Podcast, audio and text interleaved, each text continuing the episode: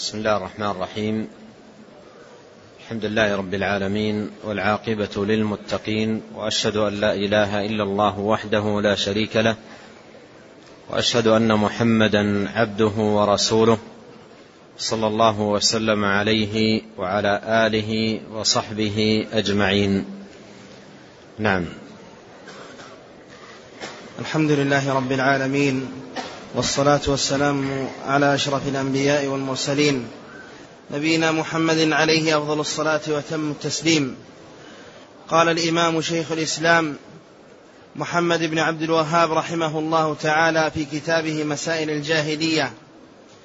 قال العشرون اعتقادهم في مخاريق السحرة وأمثالهم أنها من كرامات الصالحين ونسبته إلى الأنبياء كما نسبوه لسليمان عليه السلام.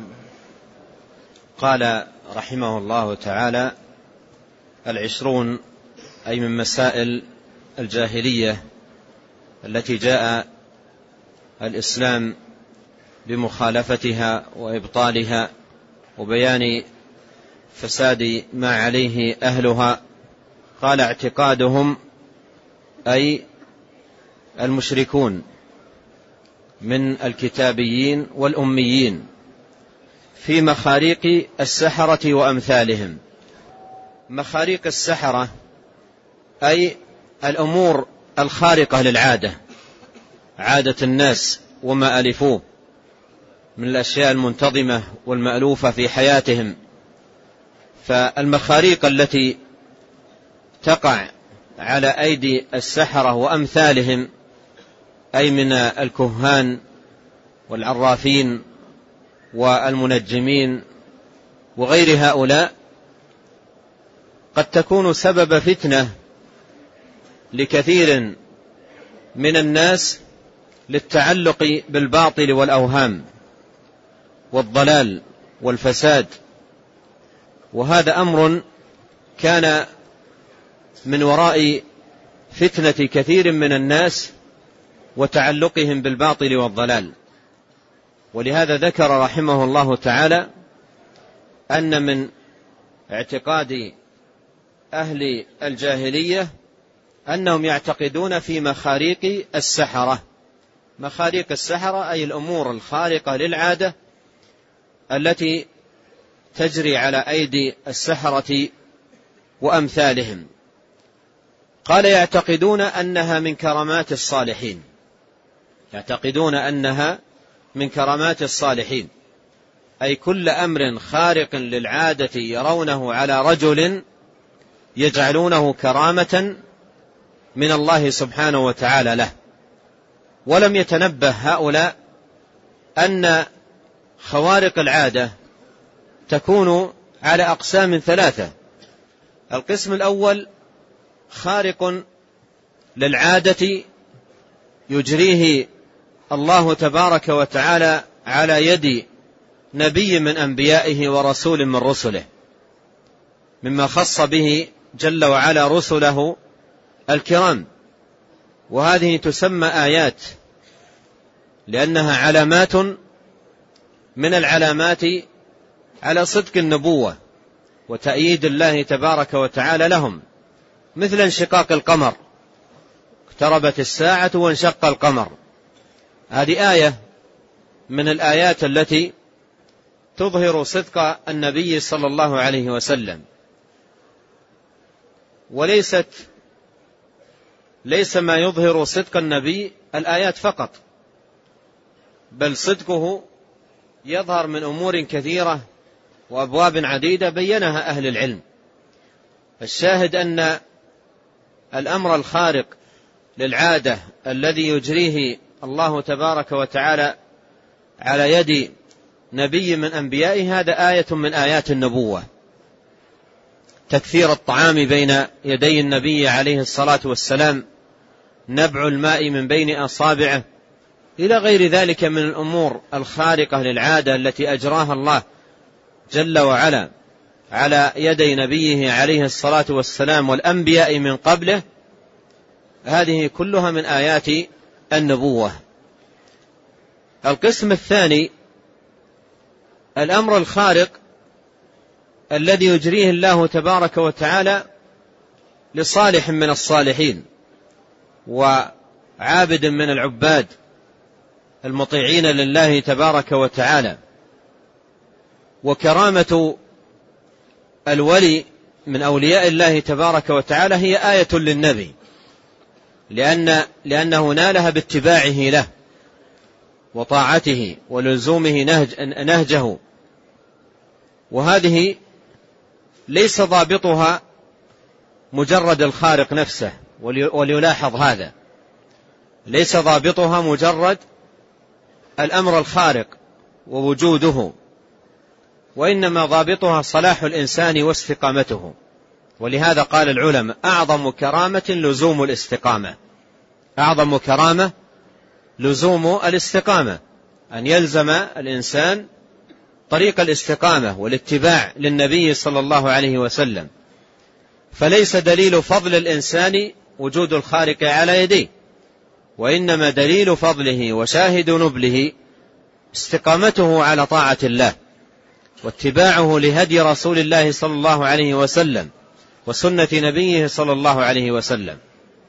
والخارق الذي يجريه سبحانه وتعالى لبعض أوليائه والصالحين من عباده يكون لأحد أمرين.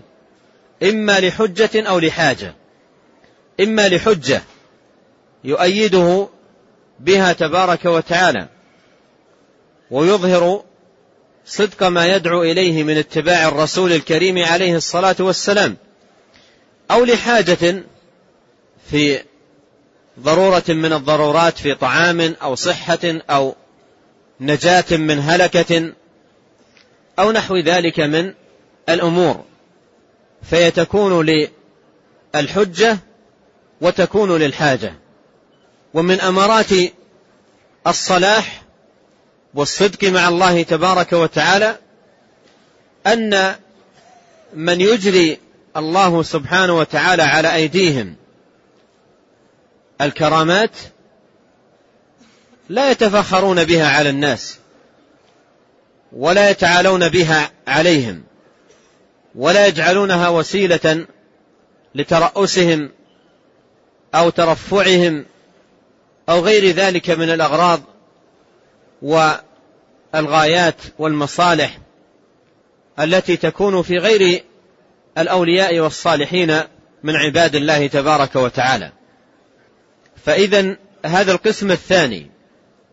القسم الثاني الأمور الخارقة للعادة التي يجريها الله سبحانه وتعالى على أيدي الصالحين من عباده وهذه تسمى أو يسميها أهل العلم كرامات الأولياء وهي حق. كرامات الأولياء حق. والله سبحانه وتعالى من على كثير من أوليائه بأنواع من من الكرامات المتنوعة وكتب السير والتاريخ والأخبار مليئة بالشواهد على ذلك. حتى قال شيخ الإسلام رحمه الله تعداد ذلك مثل المطر كثيرة جدا. هذه الأمور التي يمن الله سبحانه وتعالى بها على الصالحين من عباده. وكما قدمت وأعيد ذلك مؤكدا ليس مقياس صلاح الإنسان وجود الأمر الخارق للعادة ليس هذا مقياس صلاحه بل مقياس صلاح الإنسان هو لزومه لسنة النبي صلى الله عليه وسلم وتمسكه بطاعة الله جل وعلا ومحافظته على فرائض الإسلام وواجبات الدين وبعده عن المحرمات ولهذا قال أهل العلم في هذا الباب أعظم كرامة لزوم الاستقامة. وأرادوا بهذه الكلمة قطع الطريق على الدجاجلة وأهل الباطل الذين يستعملون الخوارق للعادة سبيلا للضلال والباطل ونشر الفساد في الناس. القسم الثالث من الخوارق للعادة ما يتحدث عنه المصنف هنا رحمه الله تعالى بقوله مخاريق السحرة وأمثالهم الذين يتعلقون بالشياطين ويتقربون إلى الجن ويحصل آه، على أيديهم أشياء خارقة لعادات الناس تكون بتعاونهم مع الشياطين وتقربهم لهم وعبادتهم للشياطين من دون الله تبارك وتعالى يحصل أمورا خارقة للعادة فيفتتن الناس بهؤلاء. مثل حمل الشياطين لبعض هؤلاء في الهواء أو تمكين هؤلاء من السير على الماء. أو وطئ النار أو ابتلاع النار أو نحو ذلك من الأمور الخارقة للعادة ولمألوف الناس فتكون سببا لفتنة الناس بهم وتعلق الناس بهم وظنهم أنهم من أولياء الله الصالحين مع أنهم لا يعرفون باستقامة. ولا يحافظون على واجبات الدين وأهم ذلك الصلاة. لا يعرفون بالمحافظة على الصلاة في جماعة المسلمين. ويعرفون بأنواع من الفسوق والمعاصي بل والكبائر وعظائم الآثام. ومع ذلك ينفتن بهم الطغام والعوام والجهال ويعتقدون أنهم من أولياء الله تبارك وتعالى المقربين. وأن وجود هذه الأمور الخارقة للعادة على أيديهم دليلا على ولايتهم مع أنها أمور وجدت بسبب ضلال هؤلاء وتعلقهم بالشياطين وتقربهم لهم. ولهذا يقول شيخ الإسلام بن تيمية رحمه الله عندما كان يتحدث عن آية الكرسي وتكلم كلاما عظيما جدا قال هذه الآية يقول رحمه الله لو قرأت بصدق في هذه الأحوال الأحوال الشيطانية أبطلتها.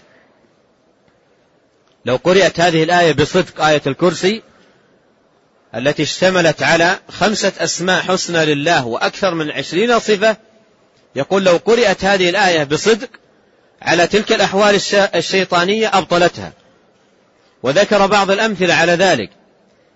بعض من كانوا يطيرون أمام العوام بالهواء يجنون عليهم يقول قرأت عليها أو قرأنا هذه الآية عليهم فسقطوا. تبطل الأحوال الشيطانية وتطرد الشياطين من المكان. فيجب هنا على المسلم أن يفرق بين الكرامة وبين المخاريق. الشيطانية ومخاريق السحرة والدجاجلة. يجب أن يفرق بين أولياء الرحمن وأولياء الشيطان. يجب أن يفرق بين حزب الله وحزب الشيطان.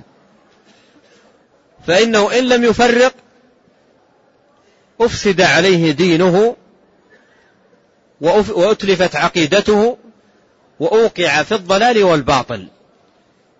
قد كتب شيخ الإسلام ابن تيمية رحمه الله تعالى كتابا عظيما في هذا الباب سماه الفرقان بين أولياء الرحمن وأولياء الشيطان. وذلك أن بعض الناس لا يفرق بين ولي الله تبارك وتعالى وولي الشيطان. قال الله تعالى الله ولي الذين آمنوا. يخرجهم من الظلمات إلى النور. والذين كفروا أولياءهم الطاغوت. يخرجونهم من النور إلى الظلمات. فبعض الناس لا يفرق بين ولي الله وولي الشيطان. والفرق بينهما واضح لكن من الناس من لا يفرق. ويخدع ببعض الأمور الخارقة للعادة فيبني عليها. ولهذا قال أحد السلف المتقدمين كلمة جميلة ينبغي أن تحفظ ويعتنى بها. قال إذا رأيت الرجل يطير في السماء أو يمشي على الماء فلا تقبلن منه حتى يأتي بشاهدين عدلين. حتى يأتي بشاهدين عدلين كتاب الله وسنة رسوله عليه الصلاة والسلام.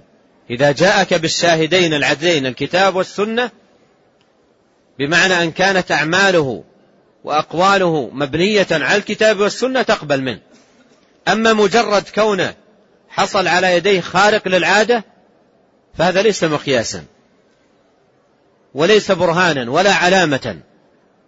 علامة صدق الإنسان اتباعه لسنة النبي الكريم عليه الصلاة والسلام. وتعظيمه لكلام الله وعنايته بدين الله تبارك وتعالى هذا هو هذه العلامة الصادقة. أما الدجاجلة وأكلت أموال الناس بالباطل ومن يظهرون على أيدي الناس أشياء خارقة للعادة بل أحيانا يأتون بأشياء ليست خارقة للعادة ولكن ليست مو ولكنها ليست موجودة في, بلد معين.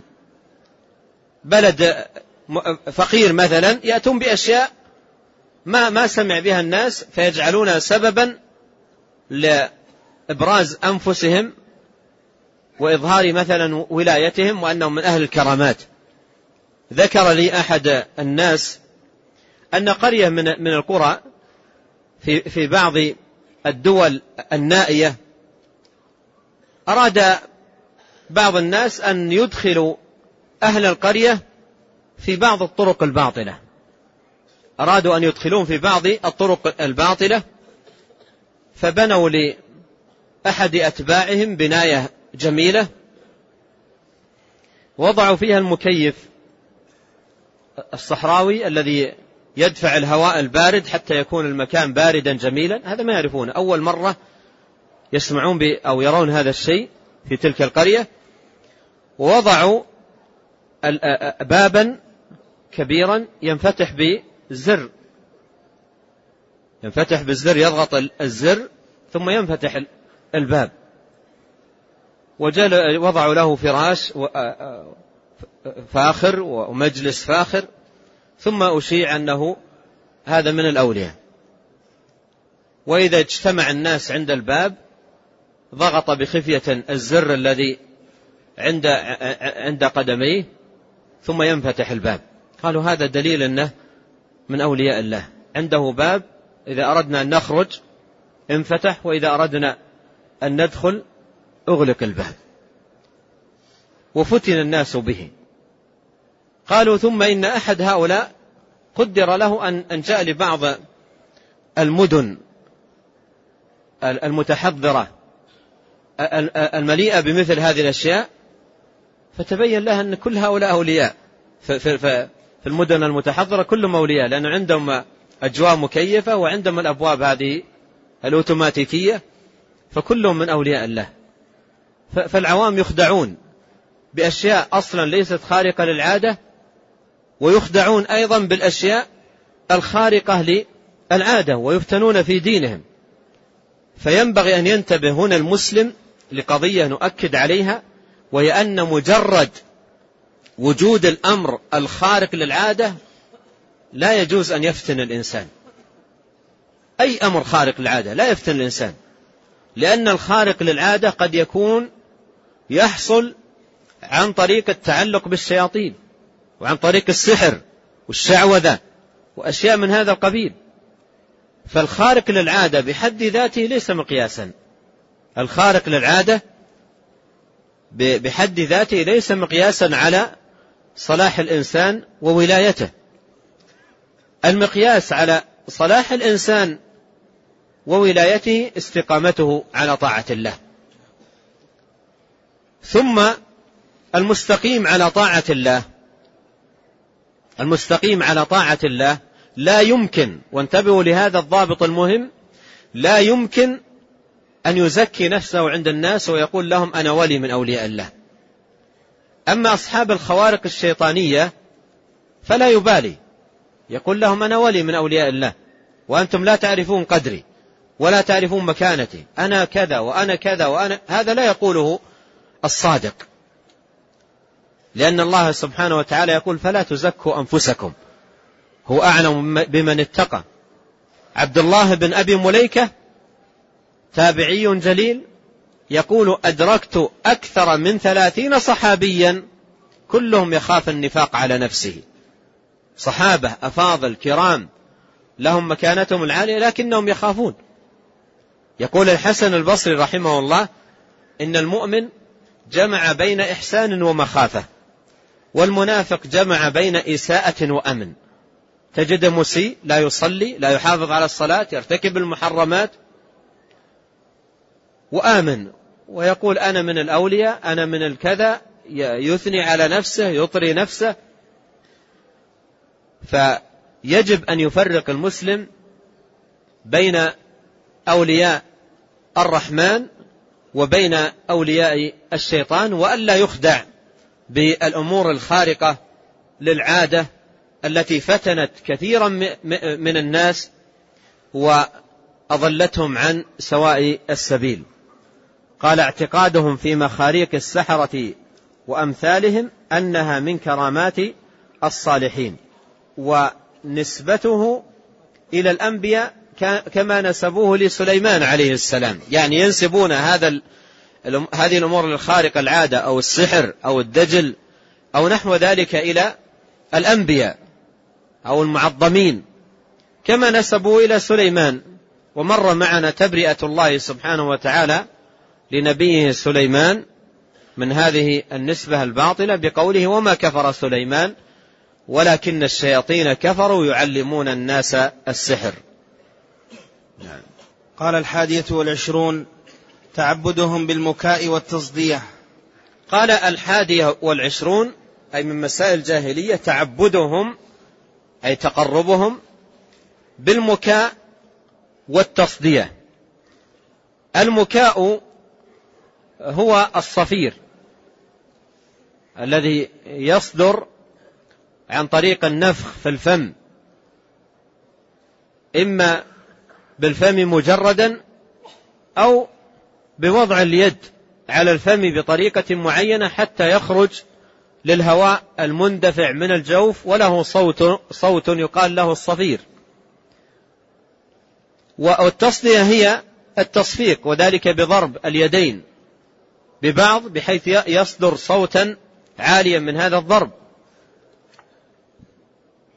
فكان الجاهليون من الأميين والكتابيين يتقربون بالمكاء والتصدية أي بالصفيق والصفير. وسبحان الله ثم سبحان الله كانوا عند بيت الله الحرام وعند الكعبة المشرفة في جاهليتهم الجهلاء وضلالتهم العمياء يطوفون ببيت الله تبارك وتعالى عراة نساء ورجالا حتى ليس عليهم ما يستر العورة المغلظة عند الكعبة. شرفها الله. كانوا يطوفون عند الكعبة عراة. حتى ليس عليهم ما يستر العورة المغلظة. رجالا ونساء.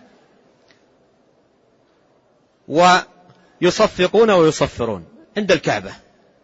ويصفقون ويصفرون عراة. منظر من أقبح المناظر وأخزاها وأشنعها. عراة ليس عليهم ثياب حتى المرأة. كانت المرأة تطوف مع الرجال عارية ليس عليها حتى ما يستر عورتها المغلظة. وإحداهن كانت تطوف وتقول اليوم يبدو بعضه أو كله فما بدا منه فلا أحله. لا أحله يعني أن يمسه أحد أو لكنهم, لكنهم في جاهليتهم الجهلاء ظنوا أن هذه قربة وطاعة يتقرب بها إلى الله. فيطوفون عراة رجالا ونساء وعبادتهم عند الكعبة صفير وصفيق. وما كان دعاءهم عند البيت إلا مكاء وتصدية. إلا مكاء وتصدية. مكاء أي صفيرا. وتصدية أي صفيقا. كما قال ذلك ابن عباس وابن عمر وغير واحد من الصحابة والمفسرين في معنى هذه الآية الكريمة. فكانت هذه عبادتهم صفيق وصفير ورقص وقفز وخفض وتمايل هذه عبادتهم. يصفقون ويصفرون ويتمايلون ويترنحون. هذه عبادتهم عند البيت. وقل, وقل مثل هذا وشبيها به عند النصارى واليهود. عبادتهم مشتملة على الصفير والصفيق والرقص حتى في التوراة المحرفة المبدلة نص فيها على ذلك. نص فيها على هذه المعاني. سبحوا الله بالمزمار والعود. هكذا مكتوب في التوراة. سبحوا الله بالمزمار والعود والرقص على النغمات وأشياء من هذا الكلام موجود في التوراة المحرفة ويعملون به.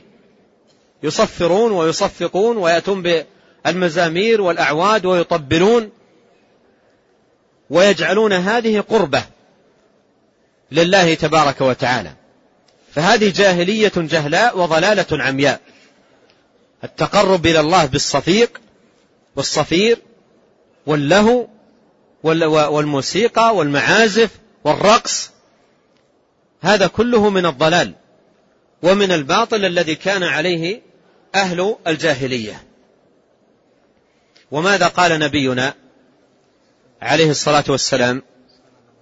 لتتبعن سنن من كان قبلكم. قال ذلك محذرا. لتتبعن سنن من كان قبلكم شبرا شبرا ذراعا ذراعا. حتى لو دخلوا جحر ضب لدخلتموه. قال ذلك عليه الصلاة والسلام محذرا أمته. أن يسلكوا مسلك هؤلاء. وهذا الأمر الذي حذر منه نبينا عليه الصلاة والسلام وجد في بعض الأمة. وجد في بعض الأمة. هذه الجاهلية الجهلاء وجدت في بعض الأمة التعبد والتقرب لله تبارك وتعالى بالسماع والرقص والطبول والمزامير يتقربون إلى الله تبارك وتعالى بهذه الأمور مثل الجاهلية متشبهين بأهل الجاهلية من الأميين والكتابيين. يتقربون إلى الله بذلك حتى إن بعضهم يمارس هذه الممارسات الآثمة داخل مساجد يأتون بالمزامير داخل مساجد ويزمرون وينشدون ويتمايلون. حتى كتب أحد الأفاضل يصف هذه الممارسات التي تمارس ببعض المساجد كتب كتابا سماه ملاعب الوثنية التي تحولت إليها بعض المساجد في بعض المناطق مما شاهده ورآه بعينه ووصفه. شيء يقول لا يصدق داخل المساجد حتى تحولت إلى أشبه مما تكون ملاعب أهل الوثنية والضلال والباطل. عزف ورقص وأنغام ونشيد وسماع حشف وسوء كيلة لهو وباطل والأناشيد التي يطربون أسماع أنفسهم عليها فيها شرك وضلال. وبدع وغلو وهم ماضون على مثل هذا العمل. وليس الأمر عند هذا الحد. بل بعض من ألفوا المؤلفات وهم على هذا المسلك وعلى هذه الطريقة كتبوا أبوابا خاصة تتعلق بالسماع. وتتعلق بالرقص الذي يفعلونه. حتى إنه في أحد الكتب المشهورة المتداولة التي ألفت وقصد بتأليفها أن يحيى بها أو أن تحيى بها علوم دين الإسلام في بعض الكتب التي ألفت في هذا الصدد عقد فيها بابا عنوانه السماع. وبابا آخر عنوانه الرقص وآداب الرقص الذي يكون في في في في, في مثل هذه المجالس. حتى قال صاحب ذلك الكتاب أن سماع هذه الأناشيد وما يصحبها من تطريب ودف ومزمار وغير ذلك قال إن سماع هذه الأناشيد أفضل من سماع القرآن من سبعة وجوه. هكذا قال. أفضل من سماع القرآن من, من سبعة وجوه. وأخذ يذكر وجوها سبعة بزعمه ومدعاه الباطل أنها أفضل من, من القرآن من حيث التأثير ومن حيث كذا ومن حيث كذا. ثم انتقل بعد ذلك إلى الكلام على آداب الرقص. يقول إذا إذا إذا إذا, إذا كنت في مجلس سماع وحصل الإنشاد وحصل الدفوف وحصل الضرب وبدأ بدأ الرقص. يقول هناك آداب للرقص لا بد أن تكون محافظا عليها في في مجالس الرقص. كما أن للأكل آداب ولطلب العلم آداب وللجيرة آداب أيضا الرقص له آداب. وآداب الرقص تعد على أن جملة من من آداب الإسلام. يا سبحان الله. جاهلية جهلاء. ثم يذكر في آداب الرقص. ثم يذكر في آداب الرقص أشياء. يقول مثلا مما أذكر أنني قرأته بنفسي يقول إذا كان الشيخ في حلقة الرقص اشتد به الوجد وتفاعل مع المجلس ومزق ثيابه. الشيخ مزق ثيابه مسك ثوبه ومزق من شدة تفاعله مع مجلس الرقص ومزق ثيابه. قال من الأدب أن تخلع ثيابك. من الأدب في المجلس أن تخلع ثيابك. لأن ما يليق الشيخ يمزق ثيابه متفاعل وأنت تبقى عليك هندامك. قال هذا خلاف الأدب. قال الأدب الثاني إذا كان الشيخ وهو يهز ويرقص سقطت عمامته. إذ سقطت عمامته من على رأسه في المجلس. قال من الأدب أن تخلع عمامتك. ما يليق أن الشيخ سقطت عمامته في المجلس من الرقص والاهتزاز و... وأنت تبقى وعليك وأخذ يذكر آداب الرقص. وتقرأ في بعض الأماكن والبلدان على أنها آداب إسلامية. وهي جاهلية جهلاء صنيع أهل الجاهلية تماما.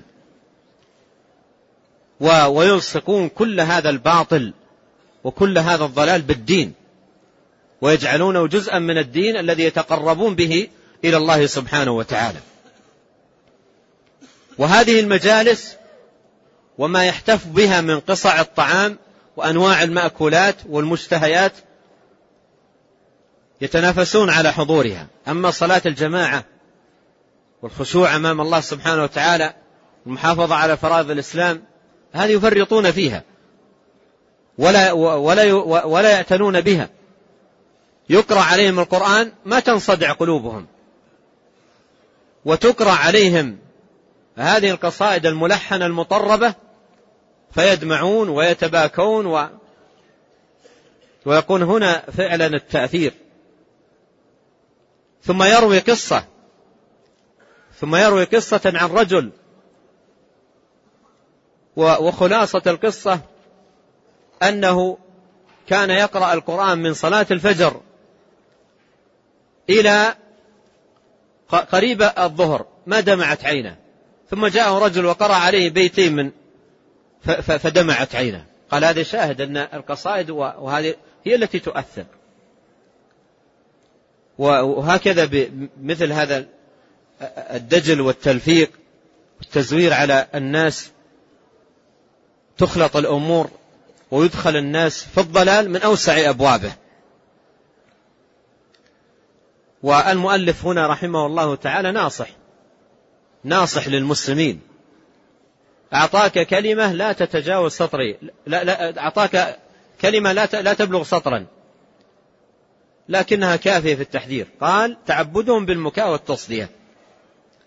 فليحذر المسلم أشد الحذر أن أن يتقرب إلى الله سبحانه وتعالى بمثل هذا الضلال والباطل. والإسلام جاء بإبطال ذلك. ومن ذلك قول الله سبحانه وتعالى ومن الناس من يشتري لهو الحديث ليضل به عن سبيل الله ويتخذها هزوا. قال ابن مسعود رضي الله عنه والله الذي لا إله إلا هو إنه الغنى. والله الذي لا إله إلا هو إنه الغنى. وجاء هذا المعنى عن ابن عباس وعن غيره من صحابة رسول الله صلى الله عليه وسلم. يشتري له الحديث أي هذه الأمور الباطلة ليضل الناس عن سبيل الله. وكم أضل أناس عن سبيل الله وعن إقامة الدين وعن المحافظة على الطاعات بمثل هذا اللهو الباطل. تراهم يسمرون طول الليل على هذا اللهو مصحوبا بأطعمة ومشروبات إلى آخره ثم ينامون عن صلاة الفجر. ينامون عن صلاة الفجر. قد نهى النبي صلى الله عليه وسلم عن السمر بعد هدأة الليل. كل ذلك حفاظا على صلاة الفجر وعلى قيام الليل. وهؤلاء بعيدون. كل البعد عن هذه المعاني العظيمة الجليلة التي جاء بها الإسلام. وجاء عنه عليه الصلاة والسلام في صحيح البخاري وغيره قال لا تقوم الساعة حتى يستحل أقوام من أمتي الحرى والحرير والخمر والمعازف. يستحلونها؟ أي أنها حرام لكنهم هم يعتقدون أنها حلال وليس هذا فقط بل يعدونها من القرب التي يتقربون بها إلى الله تبارك وتعالى. نسأل الله عز وجل لنا جميعا الحفظ والعافية. نعم. الثانية والعشرون أنهم اتخذوا دينهم لهوا ولعبا. الثانية والعشرون أنهم أي أهل الجاهلية اتخذوا دينهم لهوا ولعبا. اتخذوا دينهم لهوا ولعبا تحتمل أحد معنيين وكل منهما صحيح من حيث واقع هؤلاء. اتخذوا دينهم أي الدين الذي آآ آآ من الله سبحانه وتعالى على البشرية به دين الإسلام اتخذوه لهوا ولعبا. أي أنهم إذا ذكر لهم الإسلام أو ذكرت لهم أحكام الإسلام أو أوامر الدين سخروا واستهزوا وجعلوا ذلك مجالا للتندر والضحك واللعب والعبث. والمعنى الآخر أن الأديان التي اخترعوها لأنفسهم وارتضوها لأنفسهم هي أقرب منها إلى العبث من التعبد. أقرب إلى أن تكون نوعا من العبث واللعب منها إلى أن تكون تعبدا وتقربا. مثل ما مر معنا في المعازف والملاهي والرقص. هذه نوع من الإيش؟ هذه نوع من اللعب ليست عبادة. العبادة لا تكون بمثل هذا اللعب. فهم اخترعوا هذه الأعمال وجعلوها دينا وعبادة فاتخذوا دينهم لهوا ولعبا أي اخترعوا من الدين والعبادات أشياء من اللعب والعبث ليست دينا. فهذا معنى قوله اتخذوا دينهم لهوا ولعبا. اتخذوا دينهم لهوا ولعبا. وهذا الأمر الذي ذكره المصنف رحمه الله عن أهل الجاهلية أيضا وجد في بعض المنتمين للإسلام. جعلوا الدين وما يتقربون به إلى الله عز وجل مجالس للرقص وللمعازف. وجعلوها دينا. بل إن بعضا من من إفكه وافترائه وتلبيسه على العوام استشهد على هذا الباطل بآيات القرآن الكريم. عبثا بالقرآن واتخاذا للدين لهوا ولعبا. أحدهم ماذا قال؟ قال قول الله تعالى إن في خلق السماوات والأرض واختلاف الليل والنهار لآيات لأولي الألباب لآيات لأولي الألباب الذين يذكرون الله قياما. وقعودا وعلى جنوبهم قال هذا دليل على الرقص. هذا هذا اتخذوا دينهم لهوا ولعبا. قال هذا دليل على الرقص. قال قياما وقعودا وعلى جنوبهم. يعني يقفز ويقوم ويتمايل. هذا معنى قياما وقعودا وعلى جنوبهم. قال هذا دليل من القرآن على مشروعية الرقص والتقرب به إلى الله. هكذا قال. هذا هذا داخل تحت هذه الجاهلية اتخذوا دينهم لهوا ولعبا. بينما سل كل مسلم حماه الله تبارك من باطل هؤلاء وإفكهم ما معنى قوله اتخذوا ما معنى قوله يذكرون الله قياما وقعودا وعلى جنوبهم؟ ماذا يقول؟ أي وهو قائم يذكر الله. وهو قاعد يذكر الله. وهو نائم على جنبه يذكر الله. أي أنه ذاكر لله على كل أحواله. هذا معنى الآية. كما قالت عائشة رضي الله عنها أن كان رسول الله صلى الله عليه وسلم يذكر الله في كل أحيانه. وهو نائم على جنبه يذكر الله. وهو جالس في مجلسه يذكر الله. وهو قائم يذكر الله. وهو ماشي يذكر الله. قياما وقعودا وعلى جنوبهم. أي في كل أحوالهم يذكرون الله. هذا معنى الآية. ومعنى واضح. لكن من اتخذوا دينهم لهوا ولعبا طريقتهم هي هذه. يعبثون بآيات القرآن ويعبثون بكلام الرسول صلى الله عليه وسلم من أشر من أجل نشر الضلال الذي يمارسونه والباطل الذي يقترفونه. نعم. قال الثالثة والعشرون أن الحياة الدنيا غرتهم فظنوا أن عطاء أن عطاء الله منها أن عطاء الله منها يدل على رضاه كقوله نحن أكثر أموالا وأولادا وما نحن بمعذبين. المسألة الثالثة هو العشرون أن الحياة الدنيا غرتهم أي فتنتهم والدنيا فيها فتنة. فهؤلاء غرتهم الحياة الدنيا. أكرمهم الله عز وجل بالمال من عليهم بالمال بالرزق بالصحة بالولد بالمساكن. فغرهم ذلك. غرتهم الحياة الدنيا وشغلتهم عما خلقوا لأجله وأوجدوا لتحقيقه. فظنوا أن عطاء الله منها يدل على رضاه.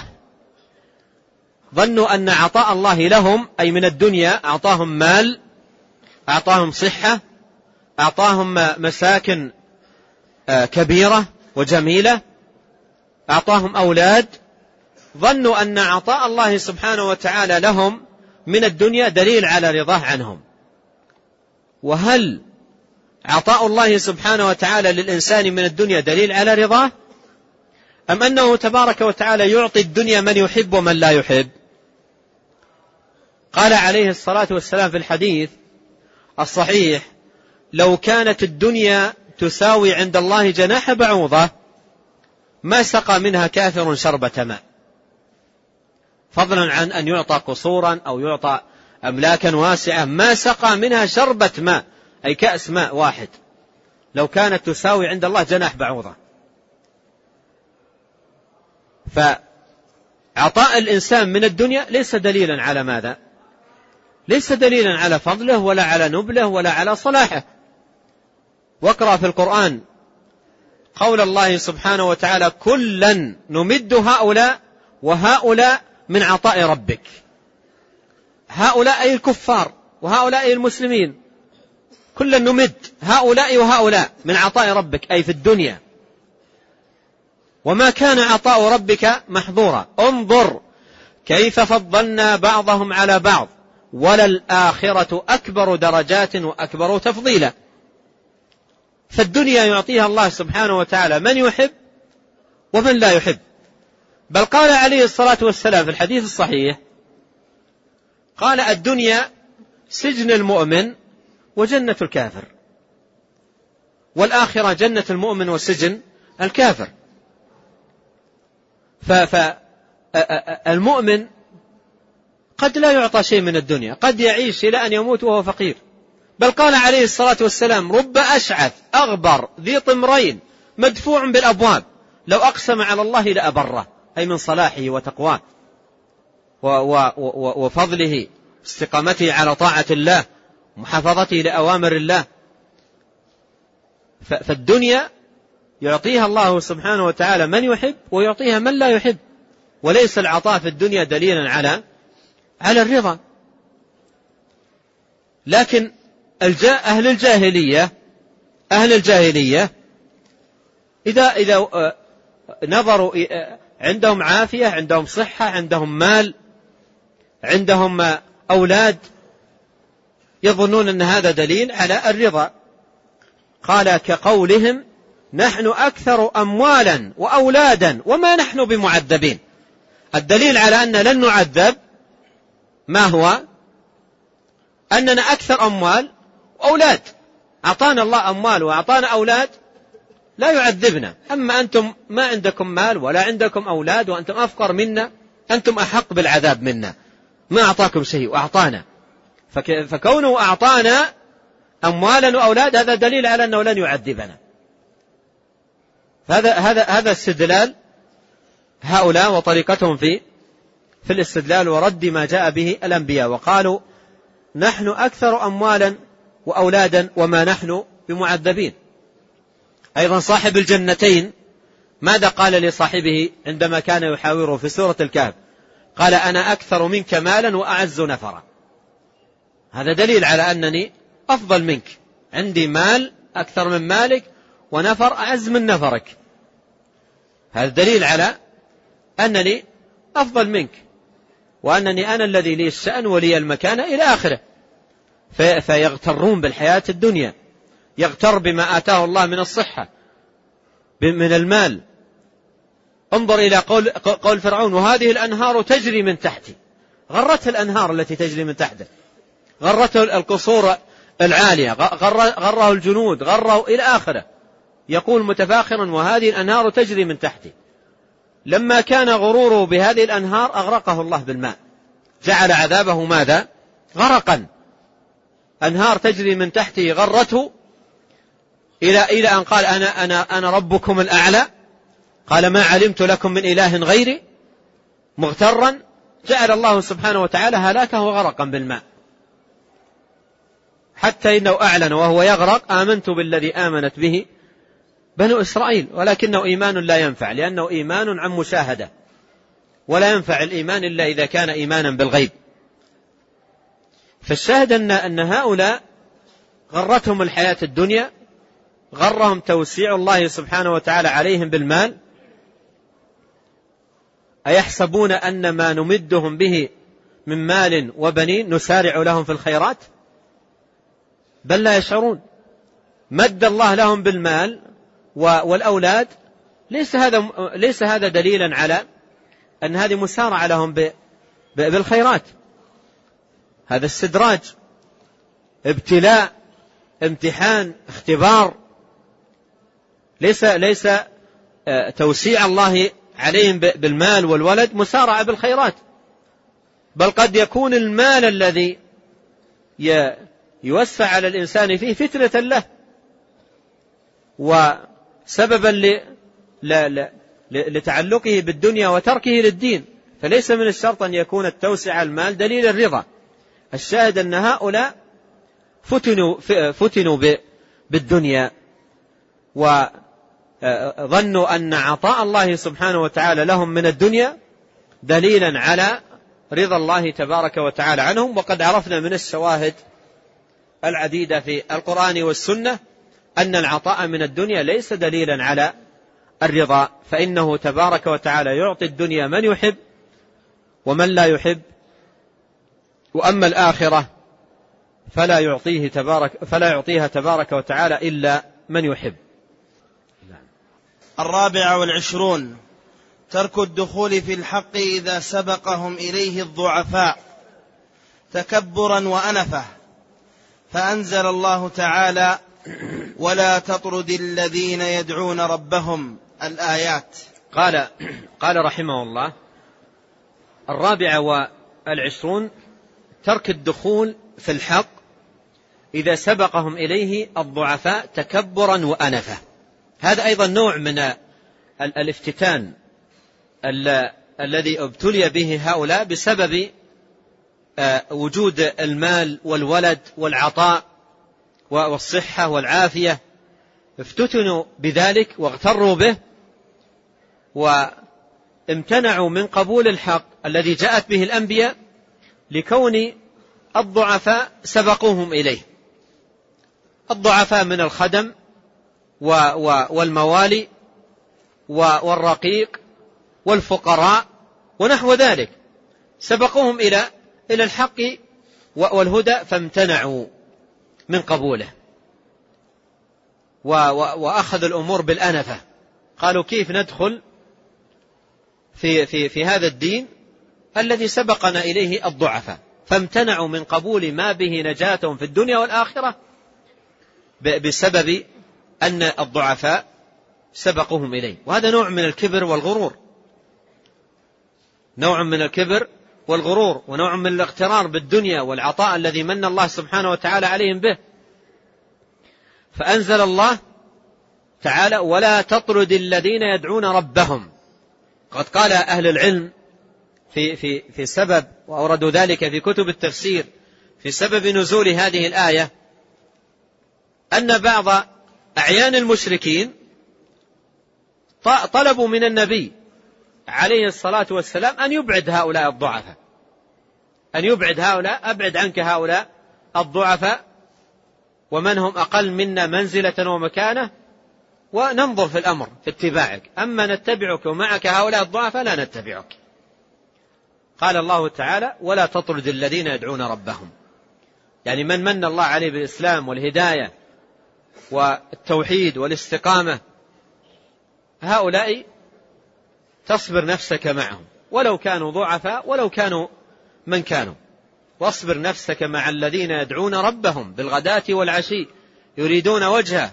ولا تعد عيناك عنهم تريد زينة الحياة الدنيا ولا تطع من أغفلنا قلبه عن ذكرنا واتبع هواه وكان أمره فرطا نعم.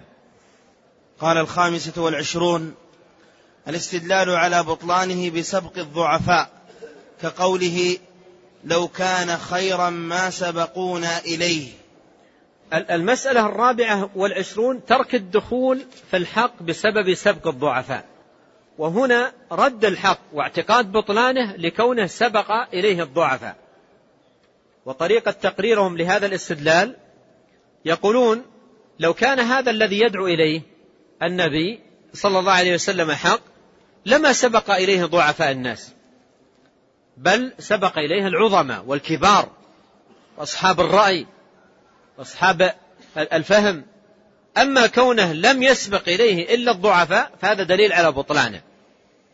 إذا المسألة الرابعة والعشرون أن تركهم للحق كان أنفة بسبب سبق الضعفاء إليه.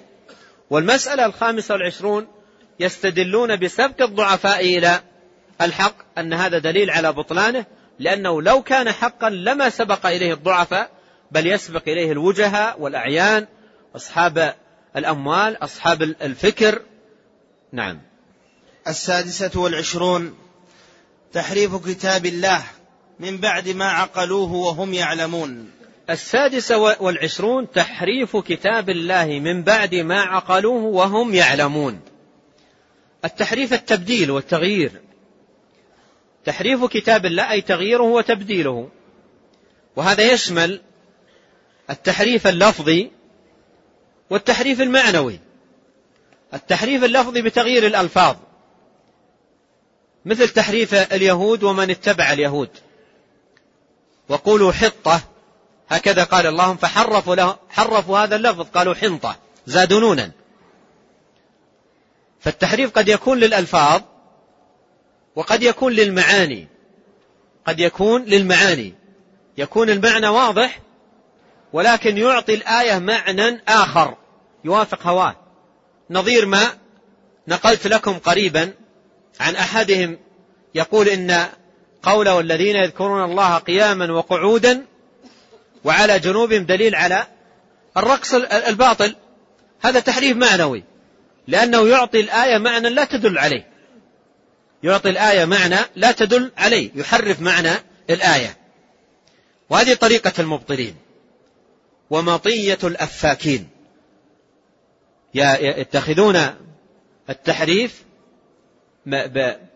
تكأة لهم لنشر باطلهم. إن استطاع أن يحرف الألفاظ حرفها وإن لم يستطع أن يحرف الألفاظ حرف المعاني. وفي الكتب السابقة كان تحريف الألفاظ متمكن متمكن منه هؤلاء. لأن الله عز وجل وكل إليهم حفظ تلك الكتب بما استحفظوا من كتاب الله. وكل إليهم حفظ تلك الكتب. فحرفوا حتى ألفاظها. فويل للذين يكتبون الكتاب بأيديهم ثم يقولون هذا من عند الله. ليشتروا به ثمنا قليلا. فويل لهم مما كتبت أيديهم ويل لهم مما يكسبون. فكانوا يكتبون أشياء بأيديهم ويضيفون إلى التوراة. ويمسحون أشياء من التوراة ويطمسونها ويضعون بدلها أشياء يكتبونهم بأيديهم. وينشرونها بين الناس يقول هذا من عند الله. يقولون هذا من عند الله. والتوراة والإنجيل مليئان بالأشياء التي كتبت بأيدي آه، المضلين وتنسب إلى الله تبارك وتعالى مما ينزه عنه عز وجل. سبحان ربك رب العزة عما يصفون وسلام على المرسلين والحمد لله رب العالمين. نزه نفسه تبارك وتعالى عما يصفه به أعداء الرسل وسلم على المرسلين لسلامة ما قالوه في حق الله من النقص والعيب. والتوراة والإنجيل فيها من الإفك والباطل والافتراء على الله ونسبة النقائص إلى الله تبارك وتعالى ما ينزع عنه ويقدس تبارك وتعالى.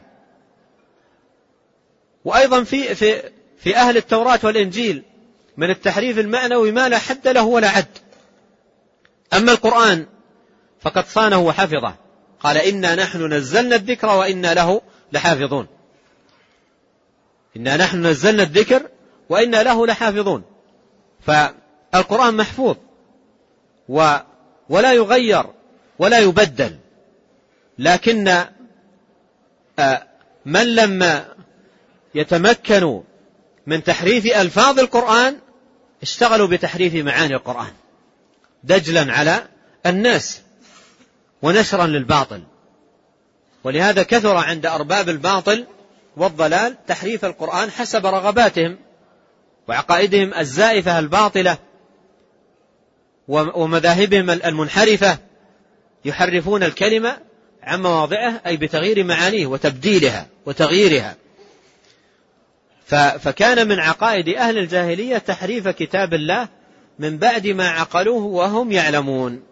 تحريف كتاب الله من بعد ما عقلوه وهم يعلمون. فهذه جاهلية.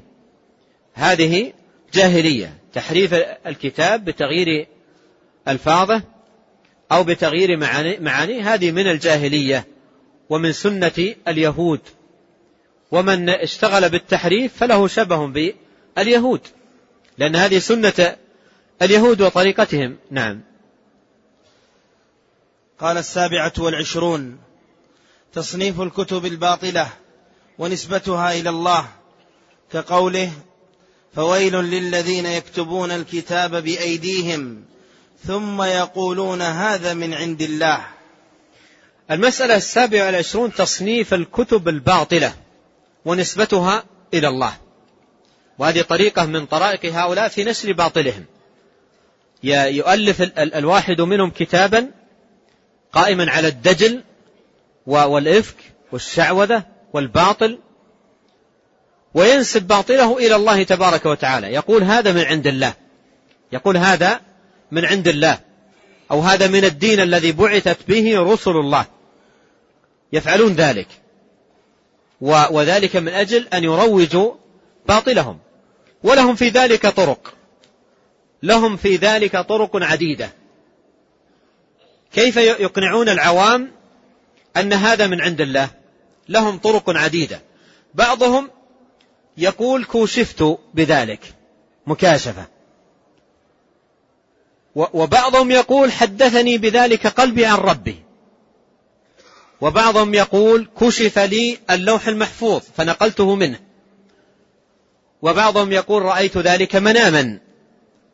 إلى آخر آه، آه، آه، المسالك التي يسلكها هؤلاء في طريقة إقناع العوام والطغام والجهال بأن هذا الذي عندهم من عند الله. بأن هذا الذي عندهم من عند الله أو جاءت به رسل الله. وكثيرا ما يصدرون كتبهم الباطلة بمثل هذا الدجل. بمثل هذا الدجل. إما أن يقول كوشفت أو يقول حدثني قلبي عن ربي حتى إنهم ينتقصون أهل الحق والهدى يقولون أنتم تأخذون دينكم ميتا عن ميت. حدثنا فلان عن فلان عن فلان هذا أموات. أما نحن نأخذ ديننا عن الحي الذي لا يموت. مباشرة عن الله نأخذ. دجل على العوام والطغام والجهال حتى يروجوا الباطل. قلت لكم قريبا أنني رأيت كتابا ألفه صاحبه في في باب الذكر والدعاء. والكتاب كتاب مليء بالطلاسم والشعوذة والاستغاثات الشركية وكلمات غير واضحة وغير مفهومة. كلمات غامضة وأسماء غامضة. وقلت في نفسي من من الناس يقبل يقرأ هذا الكتاب أو ينظر فيه؟ ما أظن أن أحدا يقبل هذا الكتاب. ثم نظرت في آخر الكتاب فإذا بصاحب الكتاب يقول ماذا؟ يقول لما فرغت من تأليف هذا الكتاب ترددت كثيرا في نشره. ترددت كثيرا في نشره. فأتاني النبي صلى الله عليه وسلم في المنام وقال لي لماذا تحرم الناس من هذا الخير؟ عجل بنشره. يقول وفي نفس المنام أتاني أبو بكر وقال عجل وجاءني عمر وقال عجل وجاءني عثمان قال عجل الخلفاء الراشدين الأربعة بعد النبي عليه الصلاة والسلام كلهم جاءوا في نفس المنام. وأصبح وذهب يجري إلى المطبعة وطبع الكتاب. ها العوام لما يرون مثل هذا الدجل ماذا يقولون؟ يكون متفق عليه. ما ليس فيه كلام. النبي صلى الله عليه وسلم قال له وأبو بكر وعمر هذا خلاص. فهذه طريقة لنشر الباطل ينسبونه إلى الله أو ينسبونه إلى الرسل. ينسبون الباطل إلى الله أو ينسبونه إلى الرسل عليهم صلوات الله وسلامه وطريقة نسبة الباطل إلى الله أو إلى الرسل بمثل هذه آه هذه المسالك. إما ما يسمى بالمكاشفة أو مثلا المنام أو غير ذلك من الطرائق وهي طرائق كثيرة يسلكها أهل الباطل. نعم. الثامنة والعشرون أنهم لا يعقلون من الحق إلا الذي مع طائفتهم كقوله قالوا نؤمن بما أنزل علينا. أن من طرائق أهل الجاهلية ولا سيما أهل الكتاب أنهم لا يقبلون من الحق إلا الذي مع طائفتهم. لا يقبلون من الحق إلا الذي مع طائفتهم. يعني الشيء الذي وجدوه ونشأوا عليه في, في طائفتهم يقبلونه. أما ما سوى ذلك يردونه. بحجة ماذا؟ بحجة أنه ليس موجودا عندهم. بحجة أنه ليس موجودا عندهم ولا معروفا عندهم. أو أنهم لم يسمعوا به ولم يمر عليهم مثله. فهذه هذه من الجاهلية. من الذي يدعي لنفسه أنه أحاط أو أحاط آه، آه، جماعته أو رفقته بالخير؟ قد يغيب. حتى لو كان إنسان جادا في العلم والطلب قد يغيب عن أنواع من من العلوم لا يتمكن منها. فيظفر بها عند غيره. أليس قال النبي صلى الله عليه وسلم رب حامل فقه غير فقيه ورب حامل فقه إلى من هو أفقه منه هذه الكلمة التي قال النبي صلى الله عليه وسلم في مسجد الخيف رب حامل فقه آه، غير فقيه ورب حامل فقه إلى من هو أفقه منه هذه تقطع الجاهلية التي كان عليها هؤلاء. رب حامل فقه غير فقيه. إذا جاءك الحق من رجل أقل منك منزلة أو أقل منك مكانة اقبله. بعض كبار السن إذا جاء له واحد من أولاد أولاده بحديث صحيح أو بحكم واضح من كتاب الله وسنة النبي صلى الله عليه وسلم يرده. لا لشيء إلا لصغر سنه. يقول من أنت الآن؟ من أنت؟ أنت من أولاد أولادي. والآن تأتي تعلمني هذا الحديث. ويطرده. لا يقبل منه بحجة أنه ما عرفه إلا من هذا الصغير.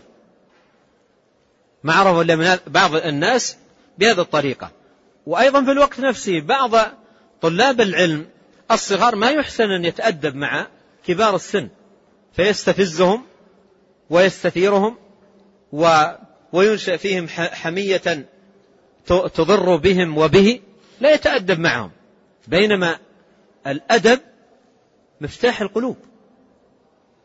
واحترام الكبار وتوقيرهم وحسن الأدب معهم مفتاح القلوب. وقد قال الله سبحانه وتعالى لنبيه عليه الصلاة والسلام فبما رحمة من الله لنت لهم ولو كنت فظا غليظ القلب لانفضوا من حولك.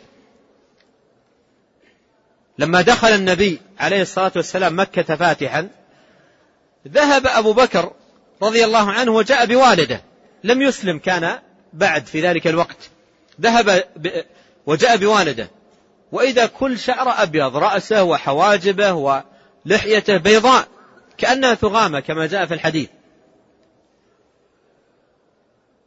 فجاء به ممسكا يده وجاء به إلى النبي عليه الصلاة والسلام. فقال رسول الله عليه الصلاة والسلام وكان للتو دخل مكة فاتحا.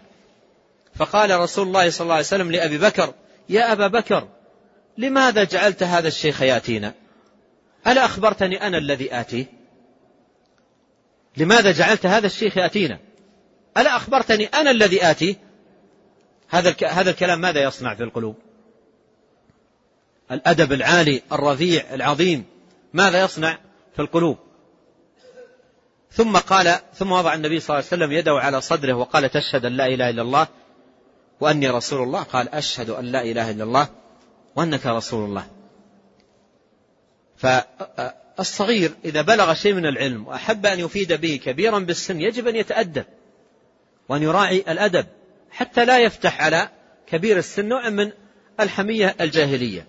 كأن يقول مثلا للكبير سمعت آه، اليوم حديثا أعجبني وأنا متأكد أنك سمعته قبل عشرات المرات أنت أكبر مني سنا وأعلم مني. حديث يقول النبي صلى الله عليه وسلم كذا وكذا. والله أنا اليوم سمعت هذا الحديث. أنت أكيد سمعته قبل عشرات المرات. سبحان الله هذا حديث عظيم وفيه فوائد. بمثل هذه الأساليب ونحوها وما أشبهها وما قاربها باللين والأدب وحسن المعاملة واحترام الكبير تتحقق الفائدة. ثم بعض الآباء تجد مثلا ابنه إذا إذا كان استقام ما يحقق الواجب الشرعي مع والده من بر الوالد وحسن المعاملة والقيام بحقوق الوالد وطاعته ما يقوم بها. ووالده يعلم أن هذه واجبة عليه في الإسلام وحق من حقوقه يراه مضيعا له ثم يأتي هذا الولد ويقول يا والدي أنت لماذا لا تعمل كذا؟ الحديث كذا. ما يقبل منه. ما يقبل منه. لأن, لأن الابن نفسه مضيع.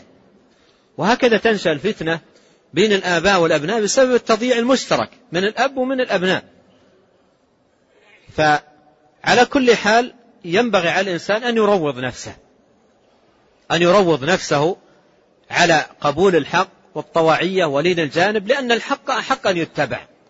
الحق حق أن يتبع نعم. التاسعة والعشرون أنهم مع ذلك لا يعلمون بما تقوله طائفتهم.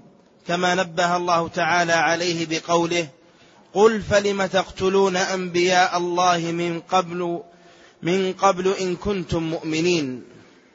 ثم ذكر مسألة آه، وهي التاسع والعشرون وهي تابعة لما قبلها أنهم مع ذلك أي مع أنهم لا يقبلون من الحق إلا الذي مع طائفتهم مع ذلك لا يعلمون بما تقوله طائفتهم. يعني ما تقول طائفة من الحق لا يعلمون به كله بل يغيب عنهم من الحق الموجود عند طائفتهم الشيء الكثير.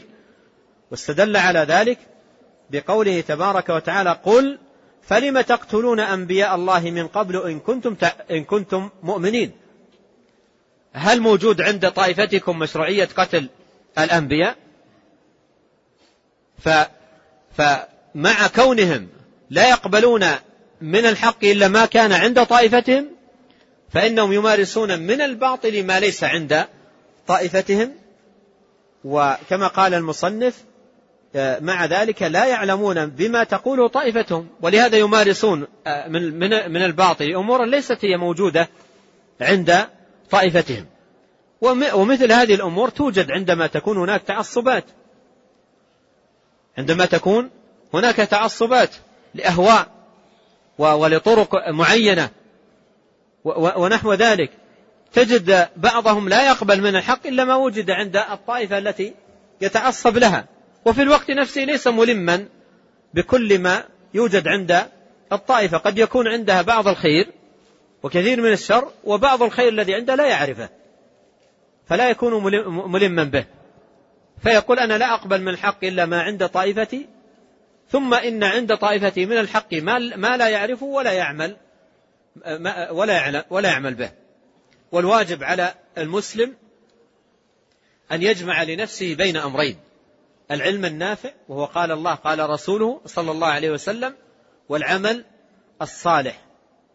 أي بهذا العلم النافع المستمد من كتاب الله وسنة نبيه صلى الله عليه وسلم. قد قال الله تعالى اهدنا الصراط المستقيم. صراط الذين أنعمت عليهم غير المغضوب عليهم ولا الضالين. والمنعم عليهم هم الذين جمعوا بين العلم النافع والعمل الصالح. والمغضوب عليه من عنده علم نافع لا يعمل به والضال من عنده عمل بلا علم. ولهذا قال من قال من السلف من فسد من علمائنا ففيه شبه من اليهود ومن فسد من عبادنا ففيه شبه من النصارى. ونكتفي بهذا القدر والله تعالى أعلم. صلى الله وسلم على نبينا محمد وآله وصحبه أجمعين. أحسن الله إليكم وبارك فيكم ونفعنا الله بما قلتم ووفقكم للحق. وغفر الله لنا ولكم المسلمين أجمعين. هذا سائل يقول ما حكم مشاركة مشاركة رجل ماله أو بعض ماله مصدره قرض بنكي ربوي. علما أن هذا المبتلى يريد التوبة من هذه المعصية. أولا قبل الإجابة على هذا السؤال أحب أن أنبه وأذكر أنه غدا الاثنين بعد طلوع الشمس في مثل هذا الوقت أو قريبا منه تقام صلاة الاستسقاء في هذا المسجد وفي بعض المساجد. وحاجة الناس إلى الغيث والمطر باتت في في وقتنا هذا ضرورة ملحة وحصلت أضرار كثيرة جدا لأصحاب الماشية وأصحاب الزروع. تضرروا أضرارا لا يعلمها إلا الله جل وعلا. ومن يعيشون في المدن ربما بعضهم لا يشعر بهذه الأضرار ولا يعرفها. والمسلمون يدا واحدة في آمالهم وآلامهم. مثلهم مثل الجسد الواحد. إذا اشتكى منه عضو تداعى له سائر الجسد بالحمى والسهر. ولهذا ينبغي أن يكون هناك تواصي وتعاون. أن نحضر هذه الصلاة بخشوع وخضوع وصدق مع الله تبارك وتعالى وحسن إقبال عليه بالدعاء. لعل الله سبحانه وتعالى يغيثنا. ولهذا ينبغي أن نتعاون وأن نتواصى وأن نهيئ غدا أنفسنا وأن نحث الأولاد والجيران وحتى نشهد هذه الصلاة سواء في هذا المسجد أو في بعض المساجد التي تقام فيها صلاة الاستسقاء. تعيد السؤال. يقول ما حكم مشاركة رجل ماله أو بعض ماله قرض مصدره قرض بنكي ربوي علما أن هذا المبتلى يريد التوبة من هذه المعصية. المال الربوي والتجارات القائمة على الربا ممحوقة البركة. كما قال الله سبحانه وتعالى يمحق الله الربا ويربي الصدقات. فهي ممحوقة البركة. ولا ولا ينبغي للإنسان أن أن يغتر بنماء المال السريع في في لحظات بأن هذا دليل على صحة هذا الربح. وأنه وأن فيه البركة. وكم خدع كثير من الجهال بمثل هذا النماء السريع للمال. بينما هو محق لبركة المال. وعندما تمحق البركة يتضرر الإنسان. وكل جسد قام على السحت فالنار أولى به. وقليل من المال مبارك خير للإنسان من كثير لا بركة فيه. قليل من المال مبارك خير من كثير من المال لا بركة فيه. ولهذا من يتعاملون بالتجارات القائمة على الربا لا يجوز للإنسان أن يشارك معهم أو أن يساهم معهم أو أن يتعاون معهم لا بكتابته ولا بشهادته ولا بغير ذلك من أنواع آه، التعاون. لعن الله آه، الربا وآكله وموكله وكاتبه وشاهديه كل هؤلاء يعمهم اللعن والعياذ بالله. نعم. أحسن الله إليكم. يقول في سؤال الثاني وهل التماس الدعاء من الغير فيه قدح في التوكل؟ من يطلب الدعاء من الغير يطلبه على المعنى, المعنى الذي سبق إيضاحه وهو انتشار الخير في الناس. وقد جاء في الحديث أن الله سبحانه وتعالى وكل إلى ملك. إذا, قال إذا دعا الرجل لأخيه بظهر الغيب يقول ولك بمثل ذلك. فدعاء المسلم لإخوانه وإنتشار الدعاء دعاء المسلمين بعضهم لبعض هذا من الأمور العظيمة المطلوب انتشارها بين أهل الإسلام. فإذا قصد مثل هذه المعاني أن ينتفع وأن ينتفع أخاه وأن ينتفع عموم الناس فهذا لا يقدح في التوكل. وهذا السائل يقول من هو عبد القادر الجيلاني وأيضا ابن عربي؟ وما تقولون عن كتاب دلائل الخيرات ومؤلفه؟ عبد القادر الجيلاني هذا رجل كان عنده قدر من العلم وقدر من من العبادة لكن البلاء الكبير الذي يتعلق بشخص هذا الرجل جاء من الأتباع. جاء من الأتباع. فجعلوا هذا الرجل أو أعطوا هذا الرجل ولا سيما بعد موته من الخصائص والصفات والأمور التي لا تليق إلا بالله سبحانه وتعالى. وأصبحوا يتقربون إليه بالقربات التي يتقرب بها المسلمون إلى الله عز وجل. بل في بعض المناطق يخصص أيام في, في, في السنة تذبح النذور يتقرب بها لعبد القادر الجيلاني. وعبد القادر الجيلاني وغيره من آه، من كانوا على الصلاح أو على الاستقامة لا يرضون ذلك ولا يقبلون به. وله كتاب آه، مطبوع اسمه الغنية. في في في في بعض مضامينه تحذير من مثل هذه الأمور ونهي عنها ودعوة للاتباع لكلام الله وكلام رسوله عليه الصلاة والسلام وله في في مثل هذا المعنى كلمات جميلة ومفيدة. لكن البلاء كما قلت من الأتباع ومن الغوغى والعوام والجهال الذين أخذوا يتعلقون بقبره ويستنجدون به ويدعونه من دون الله. ولهذا في بعض كتب الذكر والدعاء قائمة على الاستنجاد بعبد القادر الجيلاني. يا جيلاني يا عبد القادر أنقذني أدركني إلى آخره. هذه أمور لا يقرها عبد القادر الجيلاني ولا يقرها علماء المسلمين قبله ولا بعده. هذا كله كلها حقوق لله جل وعلا. لا يجوز أن تصرف إلا لله ولا يجوز أن يتقرب بها إلا إلى الله سبحانه وتعالى. وأما ابن عربي ويوصف عند أهل العلم بابن عربي النكرة تمييزا له عن ابن العربي المعرفة وهو من علماء المالكية. ابن عربي النكرة هذا رجل معروف عند أهل العلم من أهل السنة وآل الحق أنه رجل صاحب ضلال وصاحب أباطيل وصاحب خرافات وله كتب مليئة بالأباطيل. فهذا رجل يجب أن أن أن يحذر منه ويحذر من من كتاباته ومن ادعاءات ادعاءات الباطلة التي بثها في كتبه ولا يزال بعض كتبه موجودة.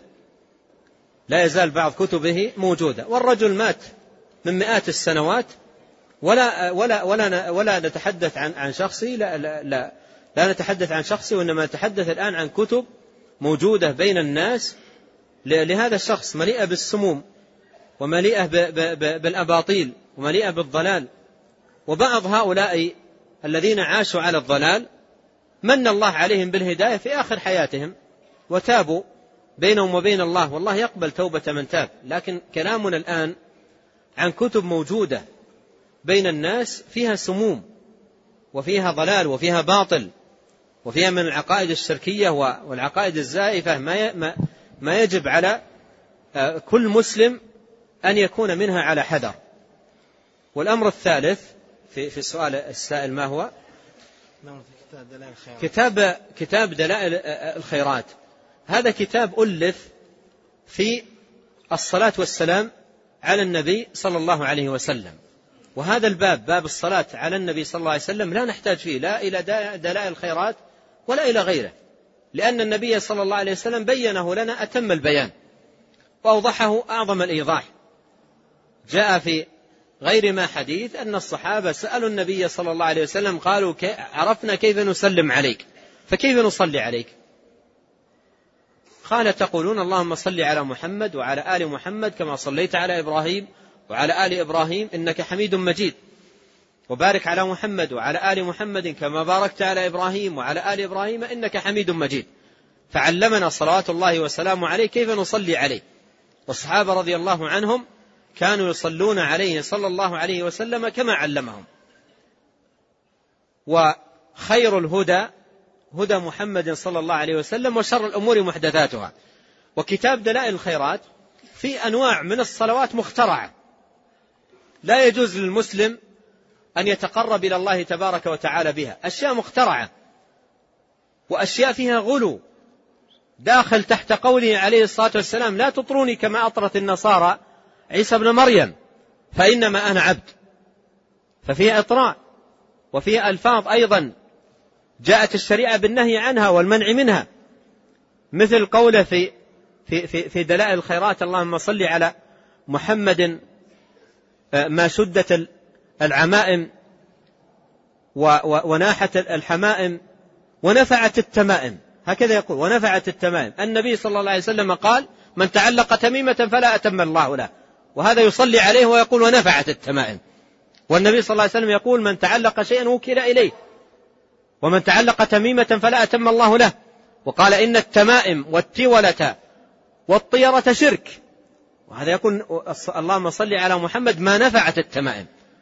ومثل هذه الأشياء موجودة في كتاب دلائل الخيرات وأشد منها ودونها.